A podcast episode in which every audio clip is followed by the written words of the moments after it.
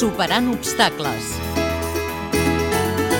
Els Premis de Literatura Tiflos, que dona a nivell d'Espanya la ONCE, s'han donat a conèixer aquest mes de febrer.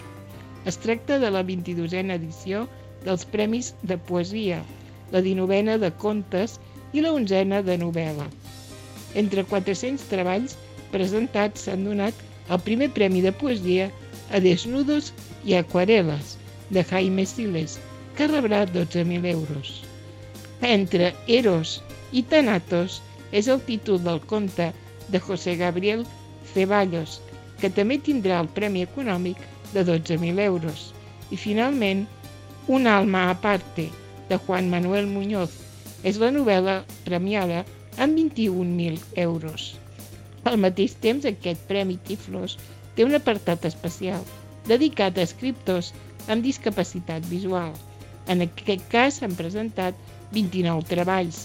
El primer premi de poesia ha sigut per José Carmona de Tenerife pel títol A cierta edad.